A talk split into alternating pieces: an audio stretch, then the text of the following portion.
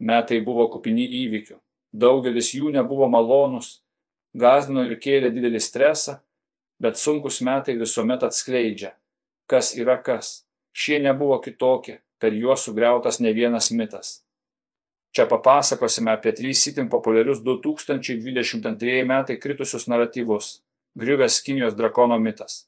Šiemet ekonominė gale aplenkti JAV planavusio drakono sparnai buvo apkarpyti. Pirmiausia smogė COVID-19 pandemija, tuomet nekilnojamo turto krizė, o vėliau sugrįžo pandemija ir socialiniai neramumai. Daugelį metų Kinija viešai deklaravo, kad jos bendrasis vidaus produktas BVP auga 50 procentų per metus. Šalies valdžia turėjo bent 6 procentai metinį augimo tikslą, kuris oficialiai beveik visuomet būdavo įvykdomas. Kitaip komunizme nebūna. Tačiau remiant iš Čikagos universiteto mokslininko L.R. Martinė šį rudenį politinės ekonomikos žurnale publikuotų tyrimų autokratiniai režimai istoriškai savo bvp augimą išpučia maždaug trisdešimt penki procentai jei taikytumėme šį koeficientą kinijai nuo du tūkstantųjų metų remiantis pasaulio banko duomenimis aštuoni kablelis šešiasdešimt septyni procentai siekęs vidutinis metinis augimas turėtų trauktis iki penkių kablelis šešiasdešimt trijų procentų dėl ko per dvidešimt metų kinijos bvp būtų augęs apie keturiasdešimt procentų mažiau. Žinoma tokie skaičiavimai tėra grubus apibendrinimas bet įvairūs tyrimai kurie matuoja šalies bvp pagal elektros suvartojimą ar naktį iš kosmoso matomas šviesas pritaria kad oficialus kinijos bvp augimas nėra tikras. Ypač bvp augimo aspektas svarbus pastarųjų metų krizių kontekste pandemija kiniją supurtė smarkiau nei vakarų pasaulį Labai griežti ribojimai sukūrė socialinius neramumus ir sugriovė nekilnojamo turto kortų namelį. Šiemet pasaulis pamatė, kad Kinijos NT rinka, kuri sudaro 20-25 procentai šalies ekonomikos, yra ten, kur vakarai buvo 2006-2007 metais visiškame burbule. Be aktyvaus centrinės partijos vaidmens bei nurodymų ekonomikos dalyviams, Kinija jau būtų gilioje recesijoje. Nors pasaulis iš COVID-19 gniauštų išsivadavo greitai, neveikiančią vietinę vakciną savo populiaciją skiepijusi komunistų partija patyrė visišką fiasko. Imuniteto neturintys Kinijos gyventojai per šį rudenį prasidėjusią naują pandemijos bangą užpildė ligoninės, mirčių skaičius vėl šoko į aukštumas.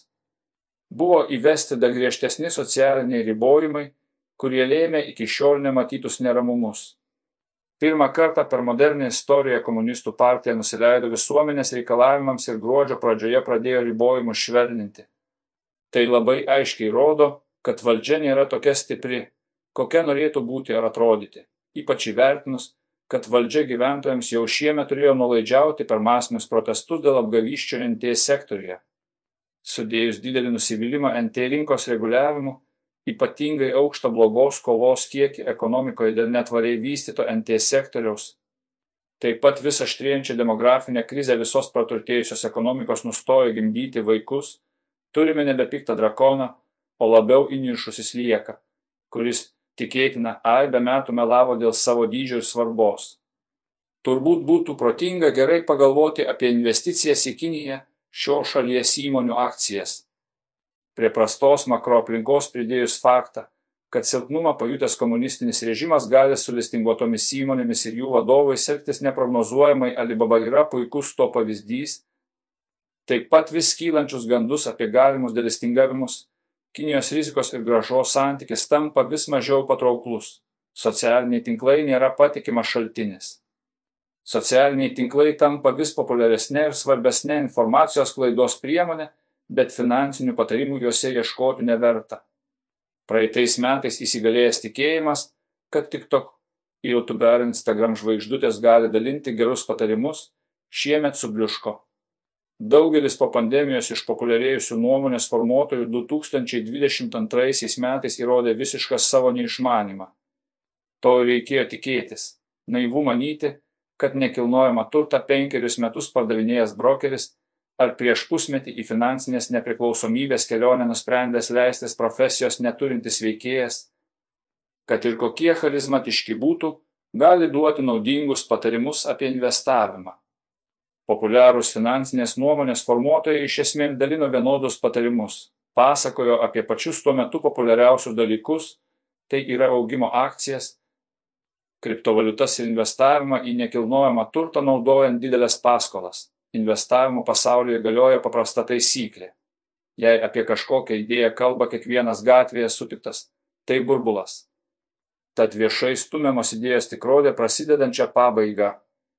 Per 2022 metus tiek gerai agresyvaus augimo akcijas reprezentuojantis Arkino ETF, tiek CMC Crypto 200 indeksas prarado daugiau nei 60 procentų vertės o kai kurios pavienės akcijos ar kriptožetonai krito daugiau nei 90 procentų ką jau kalbėti apie skolintais pinigais perkamą nekilnojamą turtą.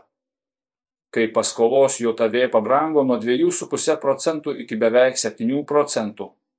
Dar didesnę žalą nei madingi, nepagalvoti ir pavojingi patarimai apie burbulę esančius aktyvus padarė nuomonės formuotojų rodomos reklamos. Kadangi visų jų pagrindinės pajamos ateidavo ne iš investavimo, o iš reklamos davėjų žvaigždutės reklamuodavo viską. Svarbu pinigai į sąskaitą, turinys po to. Tokio požiūrio kulminacija tavo bankrutavusi FTX kripto keitykla su savimi žemyn nusitempusi tarp 50 milijardų JVDL klientų pinigų. Tačiau įvairių apgavyščių reklamuota, ypač kripto erdvėje, buvo gerokai daugiau. Beveik visi populiariausi nuomonės formuotojai buvo paleidę vieną ar daugiau apgavyščių reklamų nekaltų nėra. Tad populiariais patarėjais tikėję smulkieji investuotojai ne tik prarado 60 procentų ir daugiau savo pinigų investavę į agresyvaus augimo akcijas. Dalis jų sudegino visas gyvenimo santaupas, patikėję kriptokeityklų ar projektų reklamomis. Nors kai kurie patarėjai jau turi ar ateityje turės prisimti teisinę atsakomybę už savo veiksmus, investuotojų pinigų nebesugražins niekas. Globalizacijos pabaigos pradžia. Vienas netikėčiausių pastarųjų metų reiškinių yra deglobalizacijos pradžios ženklai. Daugiau nei 30 mečius tikėjome, kad vis didėjanti globalizacija yra vienintelis pasaulio ateities scenarius, bet per pandemiją sutrukinėjusios tiekimo grandinės ir vėliau kilę logistiniai sutrikimai globalizacijos naratyvą privertė kvestionuoti. Kalta ne tik pandemija, ji greičiau tapo paskutinė dedamąją. Noras trumpinti tiekimo grandinės koncentruoti verslą namuose ir nemėtyti kiekvienos verslo operacijos po skirtingą šalį jaučiamas jau kelias metus. Turbūt aktyviausiai tokį sentimentą dar 2016 metais reiškė D trumpas, bet šios žinutės te buvo verslo pasaulio tyliosios nuomonės atspindžiai. Ekonomiškai sustiprėjusios besivystančios šalis nebesiūlo itin pigios darbo jėgos, o tokie politiniai režimai kaip Kinijoje ar net Indijoje užsienio investuotojams miegoti ramiai neleidžia ypač vis dažnesnių socialinių nestabilumų kontekste ir geopolitinių krizių genocidas Ukrainoje akivaizdoje. Todėl didžiosios įmonės vis drąsiau kalba apie grįžimą namo. Vienas to pavyzdžių - Aple. Įmonė į JAV sugražina vis daugiau darbų. Iš pradžių buvo komunikuojama, jog Aple aukštos pridėtinės vertės ir rimtos kvalifikacijos reikalaujančius darbus visada laikė JAV, bet dabar į namus grįžta ir gamybos procesai. Tiesa, Gražinamos veiklos apimtis kol kas nėra ypač didelės, bet pati tendencija kryptinga, nuosekli ir panašu ilgalaikė. Apli nėra vienintelė įmonė. Aibė didžiausių pasaulio vardų šiemet pradėjo veiklos perkelimą į namus arba bent viešas kalbas apie tai, ypač daug kas padalinius skuba uždaryti Kinijoje. Veiksmo tiek daug, kad deglobalizacija tapo viena iš šių metų Davoso temų. Dar nėra aišku, kiek dabar komunikuojami norai bei planai keisis, kai pasaulio logistika sugrįš į įprastas vėžes bei pasibaigs recesija. Gali būti, kad deglobalizacija te bus trumpalaikė mada, populiari tik tol, kol pasaulis gyvena gerai, bet tokia tikimybė nedidelė. Žymiai labiau tikėtina, kad globalizacija, jei visai nesustos, tai gerokai sulėtės ir taps atsakingesnė, o šie metai žymės viso to pradžią.